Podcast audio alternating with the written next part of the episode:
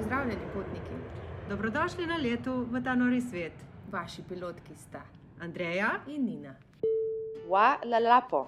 Pozdravljeni, dragi potniki, danes smo pristali v Namibiji. Uh, predno uh, se podamo na pot, pač to z nogami po Namibiji, uh, bi se vam rade, zah, radi zahvalili uh, za vse poslušanja, ki ste, ki ste jih letos naredili, uh, pa za vse subscribe, za vse komentarje.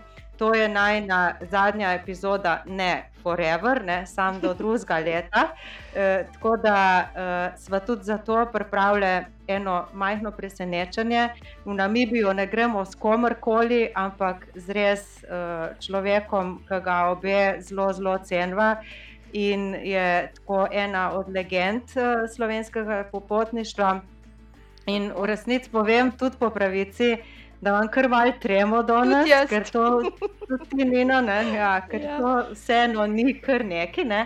Uh, in tako da, ne vem, Nina, izvoli, predstavi uh, današnjega uh, gosta.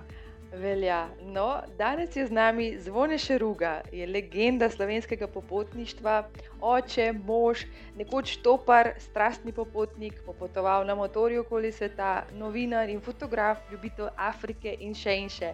Živijo zvone. Živijo zvone. Hojla, da je Trema, da imate, a se detka mraza, tudi bojite vsako leto posebej. Ja, sigurno. Ja, ker nikoli ne vemo, če bomo kaj dobili, res. Sam res je. Nisem ne ve, nikoli ne vemo, ja, kako se odvijate. Ja, na, ja, na scout morate, pa bo kaj padlo noter, ne morate zdaj kar skoprati. Ja, to je res. Ja. No, a imate še treba. Ne, že bolj.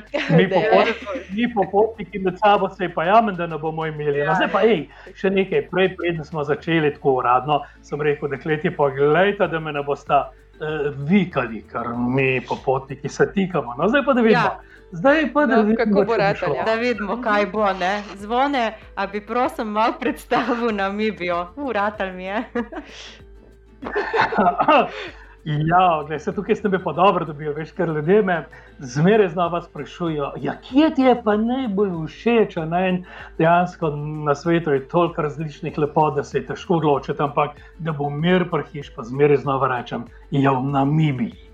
In v bistvu je verjetno res, ne mogoče tudi zato, in ni slučajno, da sem v Namibiji bil že 30 krat, tako da znam povedati, namreč vodim dol tudi skupine, tako so potnikov, da znam povedati že na avionu in na letališču, da je to ena velika država, tako približno za 40 Slovenije velika. In prebivalcev ima komaj da kaj več, tam 2 milijona, pa pol, nekje, niti 3 milijone. Ne. In če pa če vprašam, kakšne bolj neznane, ja, kje pa Namibija je, me pa že malo čudim gledati, ali je to nekje v Afriki, je, se pravi, dol jugozahod Afrike, severno, oziroma stisnjena med Južno Afriko in Angolo in Botsvano na drugi strani, pa še kratka predstavitev. To je puščavska država, glavno, razpeta med puščavo na Midtam, na Mipu vzdolž obale Atlantika in puščavo Kalahari na drugi strani.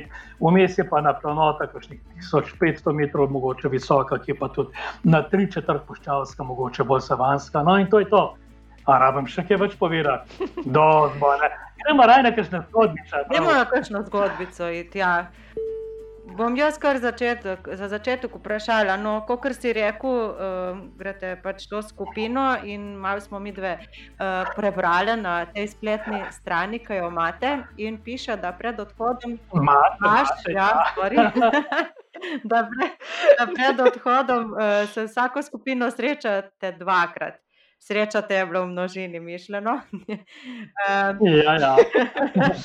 a si kdo premisli, a si kdo premisli, ko prebere? Ne, Ni mogoče tudi, ampak v glavnem zelo redko. Se gotovo se najde, kakšen, eh, ki ugotovi, ker res tam ne, ne prodajam glih megle, ki je kobel lušna, pa mhm. Havaj, pa džakuzi, pa šampancija. Ne povem, da gremo v jebo z žipi, šotor zvečer je pač ogenj, kuhare imamo sabo, eh, zvezde, če briček, in fajn se bomo imeli, lušen se bomo imeli, predvsem bomo pa res videli Afriko, tisti njeni, bi rekel, skoraj da popolni originalnosti. In moram reči, da ponovadi ljudi zagrejem, tako da kvečemo bolj običajno je gneča, ker včasih pač niti ni prostora za vse, da bi vzel. Tako da je rekel, mogoče vsak 50. Ha, pa, da ga pa tudi zaradi tega ni, ker pravi, da ne, to pa ni za me, to šotor, pa neki divjaki, pa zvečer tam, pa še, še na tla me bo spravil, pa šnopco glavo ulival, ne, ne, to raje. Skratka, malo je taki. Ja, to je čisto poseben turizem, ne čisti avanturizem. Vožnja je tudi, ogromno je, pa naporna je, ne, kar so prebrali. Ja, poglej, v bistvu ne gre več za to posebno stvar. Mogoče je bilo to posebno pred 25 leti, ko sem jaz začel, najprej bil, bil takrat uh, Vietnam, Kitajska, potem Indija, potem Etiopija in nekako Namibija, tudi vse te države, lahko rečem, da sem tako jaz odkril za to vrsti avanturistični turizem, ker prej pač kompas, glob tour, ne kvarner ekspreso, od hotela do hotela z avioni, pa aircon basi eh, vozili ljudje. Mhm. No, ampak potem tega zdaj že četrt stoletja se je pa v Sloveniji usulo, danes ne vem, 30, 40, 50 mogoče različnih to vrstnih agencij. Vsakdo, ki je mal potoval, ne bo potem pač bil popotnik in, in vodič in bo imel svojo agencijo, kar je sicer lepo, kar je sprava za tiste, ki dobro delamo. Je čisto za dost dela, ne nobene lokacije, oziroma nobene destinacije, niti slučajno ne morem preveriti. Tako da zdaj v Namibijo nas kar nekaj že vozi. Ampak začetki so bili pa res tako le. Eh, precej eksotični, precej drugačni. Prva tura je bila dva uh, avta, niti ne GP, ker so bili predragi, deset nas je šlo, jaz sem bil predtem, deset let predtem z motorjem, pač na poti prek Afrike in sem tako rekoč odkril Namibijo kot neko posebno frišno novo lepoto. Uh, no in potem seveda s skupinami. Je bilo pa to že čist drugače, ampak jaz sem se zdaj toliko razgovoril, da niti ne vem več, kakšno je bilo vprašanje. Pa veš, res ne obožni. Ampak Ja, super je. možno. šlo. No, poglej, Ja. No, še tukaj le povem, par, ja, ja, tukaj, zdaj, recimo, če vzamemo, jaz upam, da bo 22. julija ponovno krnila v lanskem oziroma v letošnjem letu, ni bilo nobenega potovanja, ne Namibije, ne Ugande, ne eh, Indije, ne Etiopije. Eh, 22. julija nas je.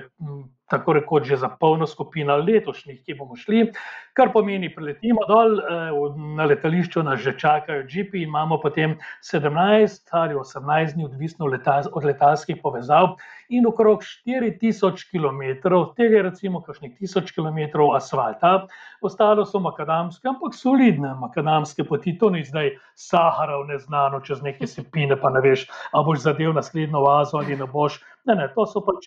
Vožnje iz mesta v mesto, ampak teh eh, voženj iz mesta v mesto, tega pa približno za 3, 4, pa tja do 5 dni. Se pravi, da moramo imeti in hrano, gorivo, eh, vodo in seveda tudi kakšne gajbe, pera in vina in podobnih dobrin eh, s sabo.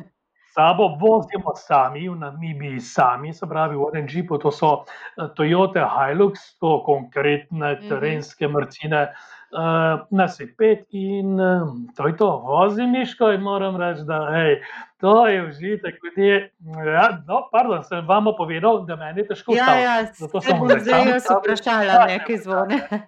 Kaj, kako pa misliš, jaz pač večinoma sama potujem, no, eh, pač to silom prilike je tako nastalo.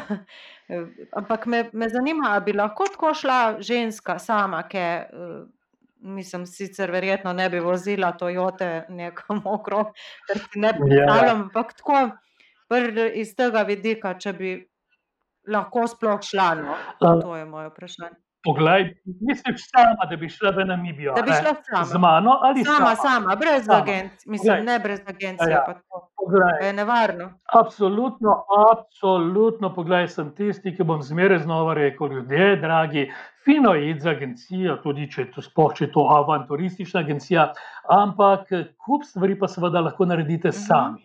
Je pa tukaj nek ampak. Glej, eno pravilo je recimo, kakšna Azija, Latinska Amerika so enostavne, so poceni, avionske Mhm. karte so poceni, recimo angliščina, španščina, pa prideš skozi, ne, hoteli, da vse lahko nek prek Bookinga in podobne stvari rezerviraš, in ni razloga tam, če si kolčkaj eh, tako bi rekel, gajsten, da ne bi tega sam. Ja, to jaz točno Druga to stvar je- delam. Ja. Na, Ja. Točno te Poglej, druga stvar je, ali imaš zdaj dva, tri tedne časa, ali imaš dva, tri mesece časa. Ker ni, zdaj ne vem, s katero govorim. Mano, Andrejo. Uh, če greš za dva, tri tedne in imaš res veliko, bi rekel, že popotnih izkušenj, potem delaš kup neumnosti, kup napak, kup napačnih poti, ki sem jih jaz gotovo, vsem izkušnjam na, na vkljub eh, prvič in tudi drugič še naredil.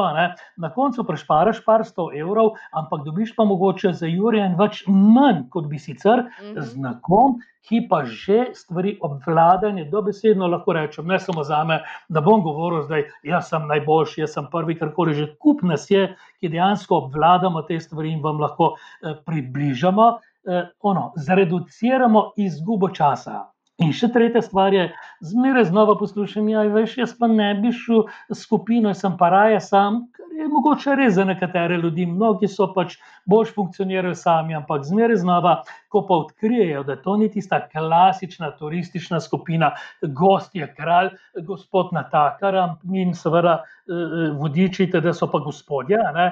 Eh, Ne, to so pač skupine sorodnih duš, kjer lahko ogromno dobiš. In v tistih dveh, treh tednih, namesto da bi pol časa zabil v iskanju na telefonu, na računalniku, na internetu, kje, kam, kako, za koliko denarja, tisti čas absolutno v polno potegneš v družbi sorodnih duš in to je smiselno.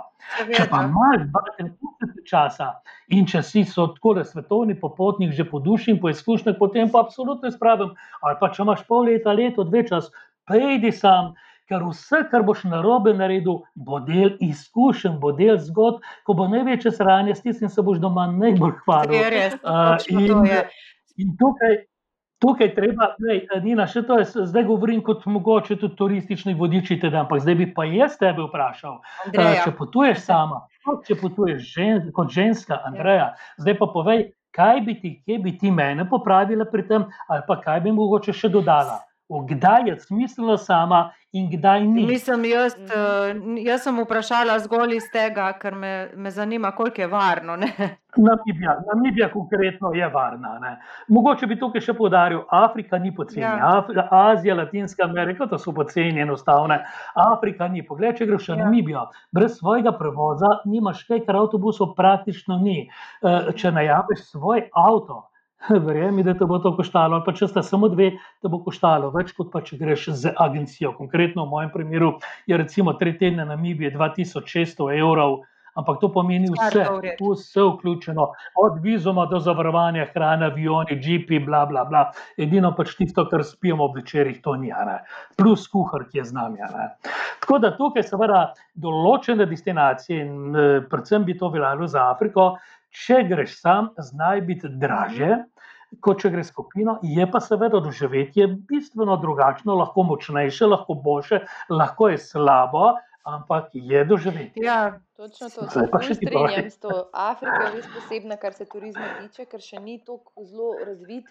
In mi smo dve leti živeli v Keniji in jaz vem, da vsak, ki je prišel k nam, je mislil, pač to je res poceni. Ne, ni. Že ka, s karto se začne, z vizo, z vsemi cepljeni, ki so jih za Kenijo mogli imeti. Poleg tega, kje boš bil, vsi pač naši gosti so bili pri nas, ampak razen hrane, ki jo mogoče tako ješ v restauracijah, ki je primerljiva slovensko, ni bilo čist nič za ston, mislim, za ston pocen. Safariji so noro dragi, vse vstopnine, za vsako stvar, ki jo moraš iti, moraš iti avto, ni nobenih takih lokalnih prevozov. In je res, res težko tako v bistvu potovati, da rečem, čist sam sam. Ne? Tako da, ja, mislim, da sta me prepričala. No. To je bila Nina, to je bila Nina ki je živela v. Keniji, ali Andreja. ja, Nina. Nina je živela v Ja, Keniji. ja, Nina, ja, čigava pa si. Ker jaz vsaj svoje čase, no, tega je pa že 25-30 let, sem poznal vse naše ljudi v Keniji, zdaj pa se ti kasnejša. Ja, ja, ja, mi smo Mm. živeli uh, koliko, dve leti zdaj nazaj tega. Aha, pa, pa verjetno te ne poznamo. Ne? Nisem hodil, ne, nisem nisem hodil vas bili tam. in niste me vabili na večerjo, kot imam zelo lepe spomine na te naše družine, ki so tam živeli. Miklavčiči, Todori, ja, ja, recimo še, seveda tega je pa 30 čisto let že, točno Ja. Nekaj se poznamo, No, pa okej. po moje bo Nina povabila naslednjič, ker vse naredite.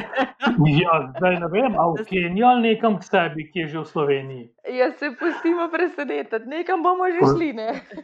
Pustimo, dekleti, jaz sem za. Pridem, pridem z motorjem, pa prikoli to zadaj. Ja, no, evo, super. Gremo se vrniti na Bibijo, draga moja. No, pa- Ja, pa naprej. zdaj. Drugič, Kenija. pa ful dobro to za na Bibijo, da cepljen ni. Ne? To je meni zelo čuden tudi v bistvu za afriško državo, glede na to, kako pač vem za ostale, da pač je nujno rumena mrzlica in še kup enih zadev.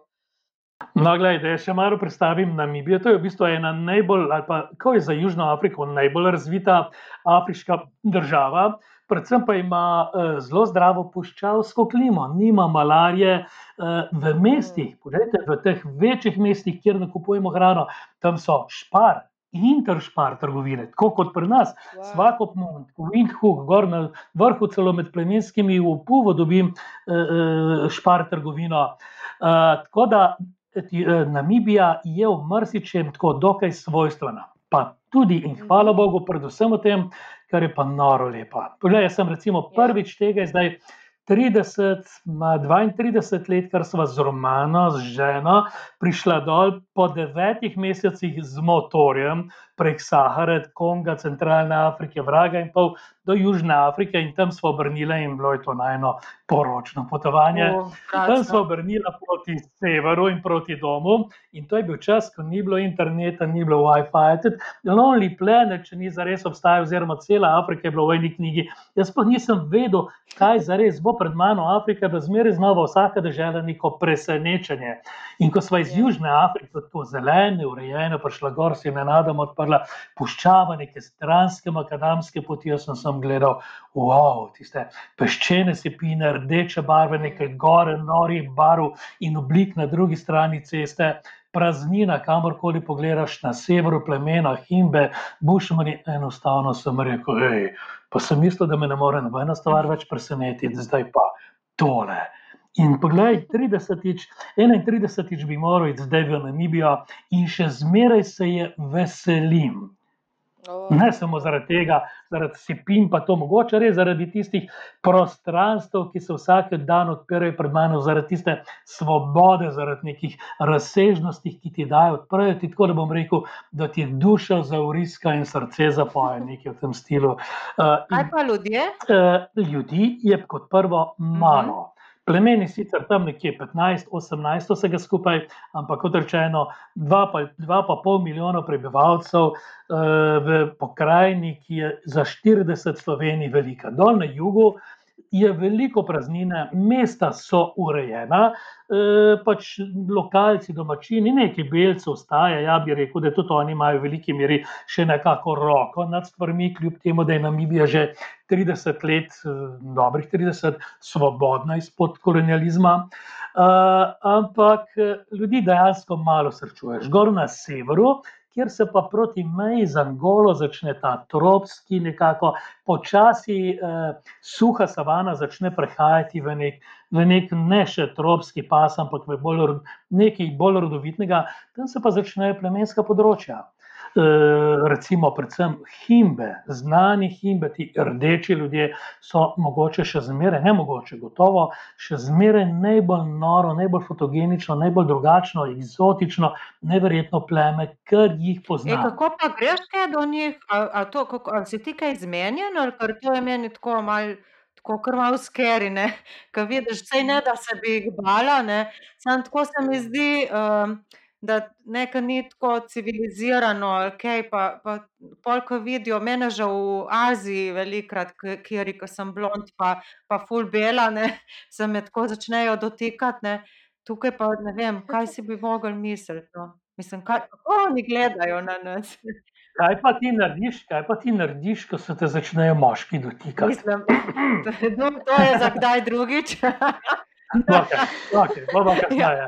Bomo kasneje. Poglej, No, na tvoje vprašanje, gledaj, bil sem tam več kot 30 let, je tega z motorjem, takrat dejansko turizma dobesedno ni bilo, ni bilo turistov, ni obstajalo še, ne, z Romanovsko ali kjerkoli že pač tako malo eksotika, eh, ampak že takrat nisva prišla, nisva imela težav. Ker pogledaj, prideš tu, če prideš v plemensko vas med te himbe, ti si njim vsaj toliko zanimiv, kot so oni nam. In to ne velja samo za himbe, izmeraj znova se držim, takole, ko prideš je važno, Važno, da se široko znaš nasmejati, da znaš roko dati na razen, da rečeš po slovensko, zdrav, fantje, kako ste kaj, mater ste dušni, ste kaj veseli, da me vidite.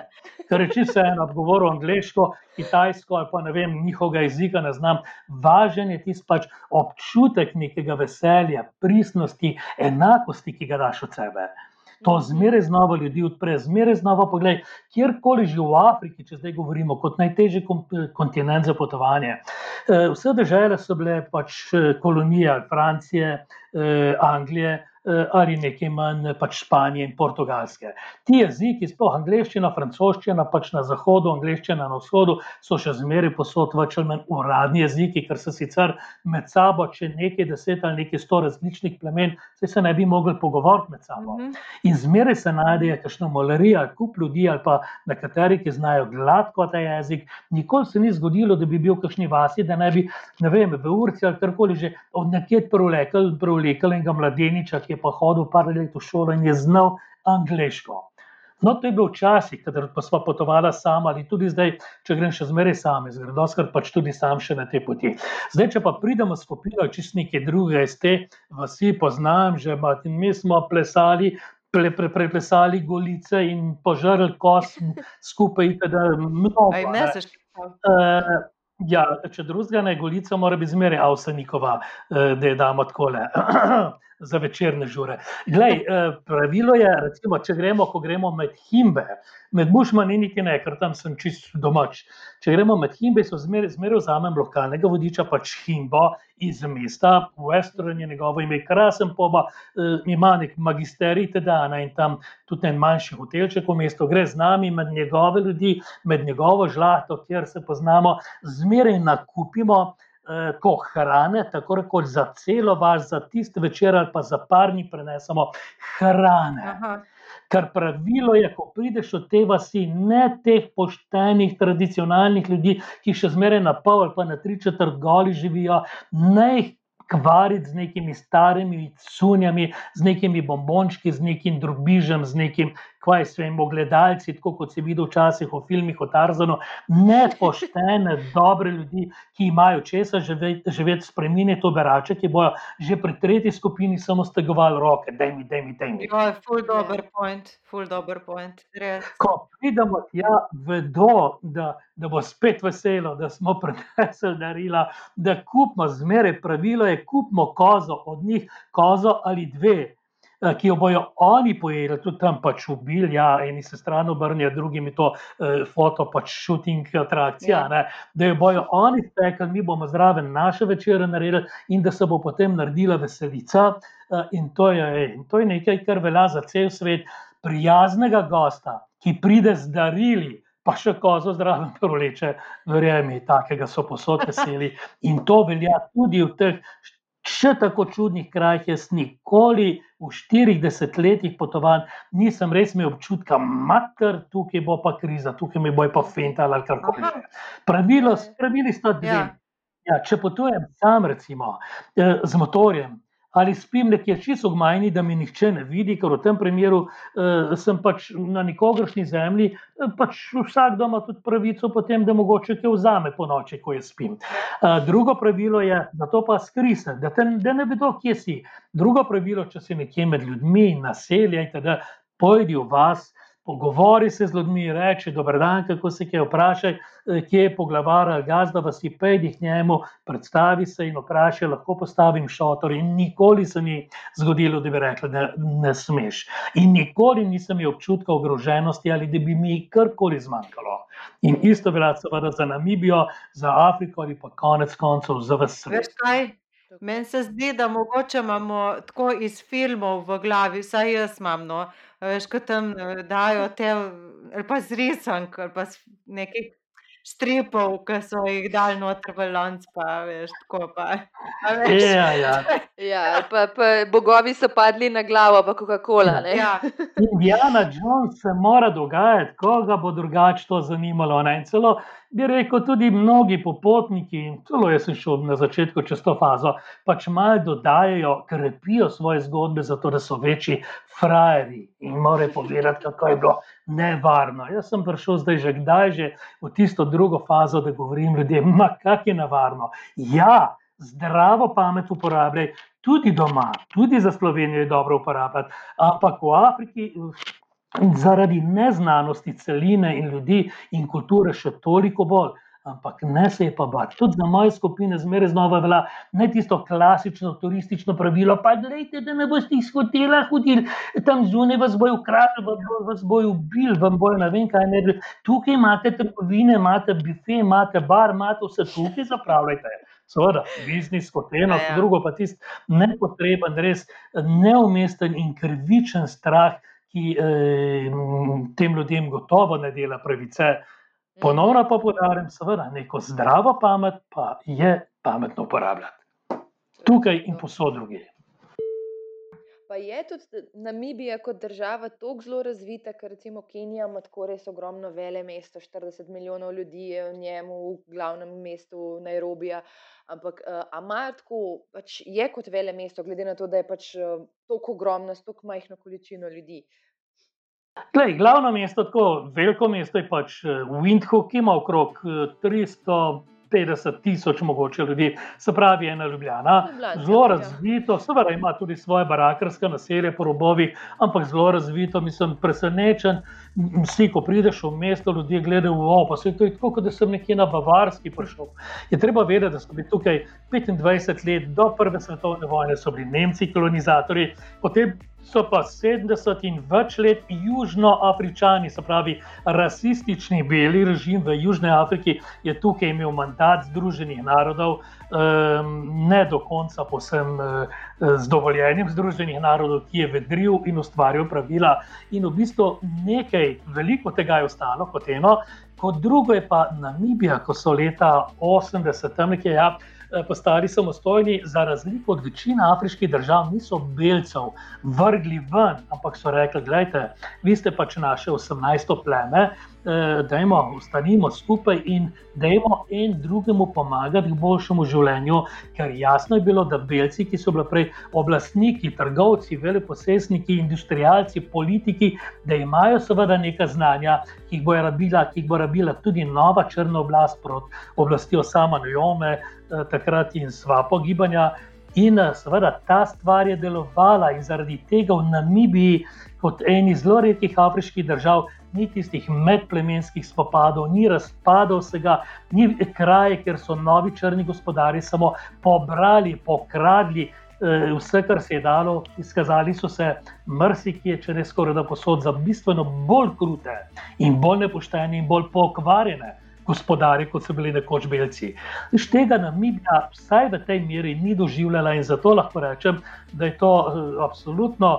Južno od Sahare, ali pa zdaj verjetno že kar v Afriki, celotni, eh, tako da nekako najbolj varna, najbolj razvita eh, država. Je pa še nekaj pomembno, razvitost je omejena na tistih, bi rekel, enih deset mogoče mest. Že gor na sever, ko prideš eh, vzdolž eh, meje za golo, to so pa plemenska področja. Tja belci nikoli niso niti segali, ker zemlja je bila že neuporabna, ni jih zanimalo in tukaj so pa res ostala eh, naselja in vasi take kot nekoč.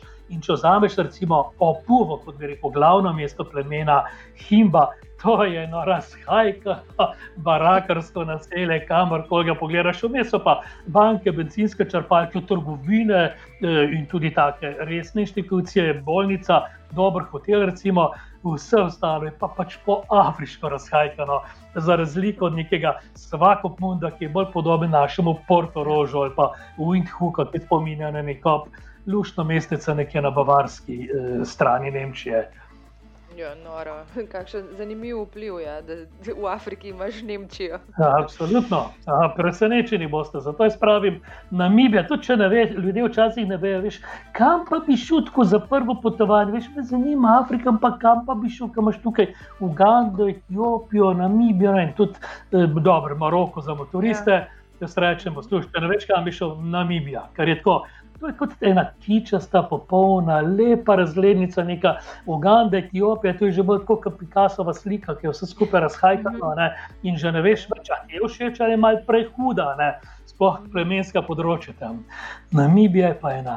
Čudovita, popolna razrednica. Meni te, te plemena, jo, jaz bi sem to sprašvala. Zvone. To bi pa potem morala iti v Etiopijo, pa dolino Omo. Ne? ne, tudi to, kar sem zdaj, to, kar sem zdaj povedal, pa kar smo se zdaj le pogovarjali, no, brka, ne, se ti nam razložil, kako izgledajo ta plemena. Meni men je to tako, tako nenavadno. Čeprav si predstavljam, da je tako nekako v Sloveniji, kot na vas, ne kot pri nas, ki ja. sam, da nismo, sam, da nismo goli. Kar je škoda, seveda. Ja, no, vse se prekava, ampak no, ja, tako si predstavljaš, tako fulci. Uh, Tako si res predstavljam, kot v filmu, in pa mi je tako, ono, o, kako mora tam biti. Ne? In prav, kaj počnejo, kaj te ljudje tam počnejo. No? S čim se ukvarjajo? Zjutraj malo kuhajo, zjutraj malo kuhajo, zvečer malo kuhajo, čez dan pa živijo v senci ker to so v glavnem nomadska plemena, se pravi, pastiri, fanti, ne, so svojimi čredami, aha, aha. so svojimi čredami pač tako ogmajni in, in stojijo v senci, pa gledajo svoje krave, pa konce, ženske, pa več ali manj to isto delajo doma. Sveda to govorimo o teh nomadskih plemenih, ker poledelska plemena tam so seveda je bolj konkretno uh, delo. Ampak, če te to, recimo, kot si prej omenila, eh, impresionirajo plemena, potem bi pa jaz rekel, nimaš kaj čakati, kaj ti to so življenja, ki so kot neki neverjetni ostanki preteklosti že 40 in več, 45 let, ko le potujem in vidim, kako se to spremenja. Če samo vzamem, recimo Etiopijo, dolina Omo, tam je nekih deset različnih nomadskih plemen, še pred 20 leti neznanih, tako rekoč, svetu. Potem si Etiopijo odprla, vojni bilo konec, meje so se odprle in turisti so začeli prihajati. Ta bi rekel, plemenski, avanturistični turizem je če dalje bolj aktualen, vključno seveda s tem, kar res počenjamo. Ne? In tudi v te vasi že prihajajo prihajajo, seveda v najbolj odmaknjene, prihajajo džipi in ljudje se seveda spremenjajo ampak ne samo zaradi turistov. Daleč od tega, ker pred turisti zmeraj posod pridejo kot prvi misionarji, pridejo potem trgovci, pride potem oblastniki. Če smo zdaj recimo v Etiopiji ali pa tudi v Namibiji, vsaka oblast v glavnem mestu, ona želi biti civiliziran del civiliziranega sveta, tam neki divjaki, tam ogmajni, ki nagi skačijo okrog, pa za njih niso eksotika in fotogenični, tako kot za nas turiste, za njih je to sramota ja. in neki, pač neki barbari. Eh, ki pač ne kupujejo, ne delajo, ne prodajajo, ne volijo. Skratka, nič ni od njih, te je treba civilizirati, kar pomeni naslednja faza. So šole, potem s šolami pridejo policijske postaje, pridejo radijski sprejemniki, televizori, zdaj že telefoni so posod in seveda turisti smo nekje na koncu bi rekel, te lestvice, ki gotovo tudi vpliva, ampak lahko tudi v pozitivnem smislu. Recimo, tukaj smo, če smo še zmeraj na Mibi, tja gremo tudi med Bušmane. Grmičarja, ljudstva, san se jim zdaj mhm. reče. In tam oni, to ni več bogovi, so padli na glavo. To, tudi tisti film je bil kompletno zlagan. Jaz poznam te to vas, glavni igralec, je bil 20 let moj prijatelj, žal je zdaj že mrtev. Poznam ljudi, ki so tam nastopili, ampak so se smejali, ko so govorili, kako so prišli neki ne, filmari in kako so jih najprej slekali z njihovih cun, pa jim dali tiste ja. kožice v koloriti, kako so morali potem poprati. Prazne flaše, ki jih je bilo povsod polno okrog njihovih kolipa, pa so se šli pa neko nekdanjost in divjino, ki se jih nihče od njih sploh več ne spomni. Oni so v bistvu hlapci, na pol služni tam eh, na farmah in po vseh teh močnejših črnskih plemen.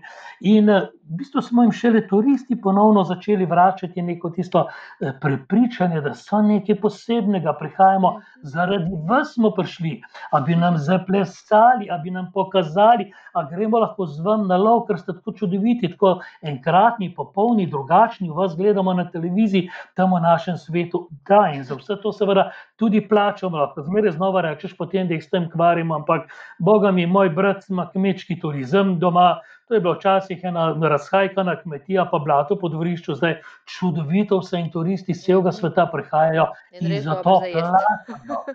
Pa bi, aha, res je. In ne rečemo, da se je pa pokvaril, ta se je skomercializiral. Rečemo, poglej, kako se je razvil.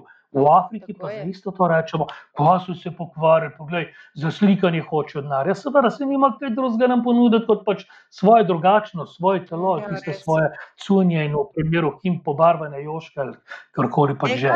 Kateri so na, na, pač na tvoji spletni strani je ena taka ful lepa slika teh um, ene ženske, se, se mi zdi, da je ženska, ki ima tako um, neke glinene lase, oziroma pač ne vem, kaj ne drede glinene ali nekaj takega.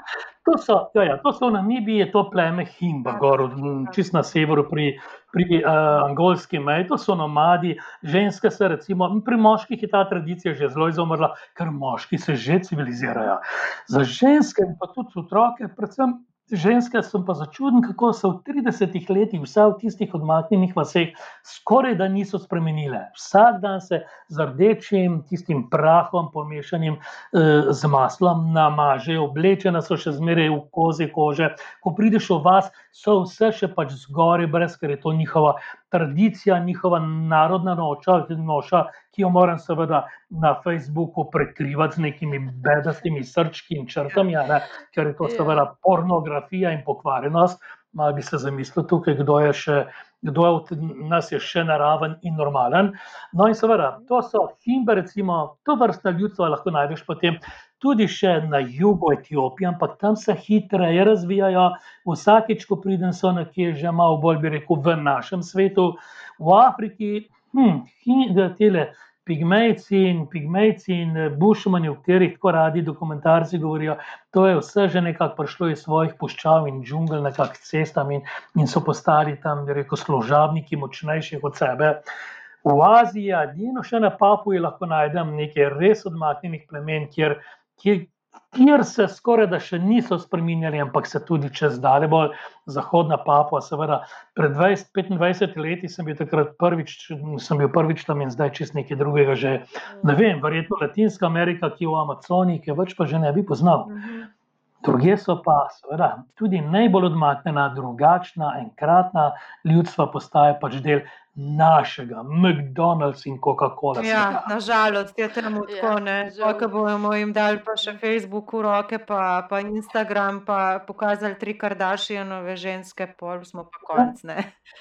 Ja, telefone že marsikje, ali pa celo v večini krajev že imajo. Ker Afrika, recimo, je enostavno spustila tisto obdobje uh, fiksne telefonije in žic nekje, pač tega ni bilo in bilo predrago.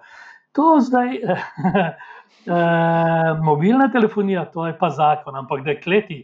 Poglejte, a ste pogledali, kaj je na Sva, uro? ja. Smo rekli pol ure, zdaj pa. A, Ja, a, me Tako, tako je Ja. zabavno vas poslušati. Ja, ne poslušati, oprosti. Ja. Uh, saj smo, Mhm. ja, res smo veliko Počasi zavedamo, preden naj jo odklopijo ali začnejo, ne vem, paradajzo nasmetati. Ja, A? ne bojo, ne bojo. To, če bo kdo metal, Ne, ne. eh, zvone, če bo kdo metal, ne bomo videli. Tako da. Pa to je, Ja, Aha, virtualno, ja, to lahko samo v telefon A ja. mečejo. Hej, hej, pa imam pa jaz še vprašanje. A ve, potujete? Ne? Ja, seveda. Mhm. Ja. No, zmeraj znova mene z- glede na to, da ne vem odgovora, bom jaz vaju vprašal. Ja, kako pa kaj eh, potovanje, kdaj bomo pa spet kam šli? A? Ja, mi dva z Nino sva se pogovarjali, da gremo hvalne. Tako, mislim, zdaj le. Ja. Eni že grejo. Ja. Kaj, kaj pa ti počneš te dni, no? Zdaj smo mogoče za Tako, konec. ko je turizem ugasnil. Ulala, poglej, pravim, to leto, 2020, vsem na kljub je bilo meni tako kot en blagoslov, tako kot sem napladno dobil stvari, o katerih sem že leta govoril. Prva je, da si bom enkrat vzel čas, recimo eno leto vsaj, in začel spoznavati Slovenijo. In to sem letos počenjal. Druga, tudi že par let, da enkrat se bom posedel dol v Ziranci, tam pod Gorjanci in bom napisal, mogoče še zadnjo, karkoli že deseto knjigo, pač ko svojo življenjsko zgodbo, življenjski potopis. In eto, tudi ta čas sem dobil, pred nekaj dnevi sem O, zaključil wow. vsaj grobo verzijo.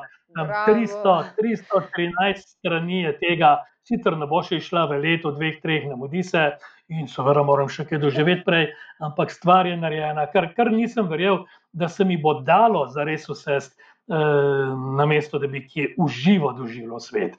Tako da to leto je bilo eh, krasno izkoriščeno, ampak tam nekako 22. aprila, ja, imam pa. Imam pa že avionske karte in upam, da tokrat bomo pa uspeli s to Namibijo, ki sem jo lani oziroma letos dvakrat že odjavil. Mhm. Veste zakaj? Ne? Ja. Tako da, če koga zanima, seveda naslednje leto, mislim, da bo Namibija, eh, Maroko za motoriste. Ne Vem, mogoče tudi Uganda, še samo moram videti, kdaj bom sploh zares za svojo dušo sploh, sploh krenil. Skratka, www.zvoneseruga.com. Ja, in tam je vse živo, kar napisano. Predvsem pa jaz upam, da bo jaz letos, oziroma drugo leto, zdaj že aprila, začnemo uradno penzijo. In jaz sem že letos upal, da bom krenil še tako na eno konkretno pot, navadil sem se že, da ne govorim več na zadnjo pot. Ja, pa ja, pa sem 65 let, dobro sem začel, pa zagrev sem.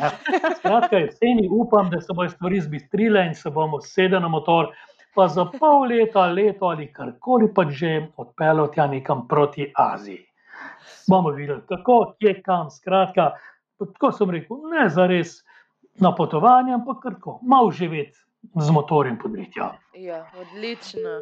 Zvone, zdaj bomo, uh, zdaj bomo zaključili. Ja. Nina, imaš ti še kaj za reči? Uh, sam še rečemo, zvone, povej še nekaj za konec, tako. uh, dva stavka, tri in to je to. Ej, dva stavka, tri. Tako res rečem. Moje pravilo je, svet je čudovit in ljudje so krasni. En stavek. Ne se ga bati, drugi stavek. Pejte in ga odkrivajte. Pika. Ne, pardon, klicaj. Bravo. Trije stavki. Bravo. Amen.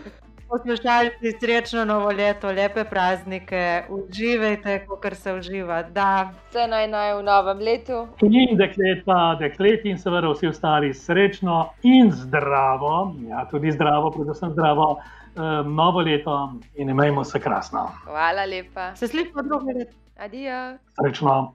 Dragi potniki, prispeli smo na cilj. Če imate še kakšno vprašanje, ga pošljite na mail, ki ga najdete v opisu epizode in z veseljem bomo odgovorili. Na najne lete ste vedno vabljeni.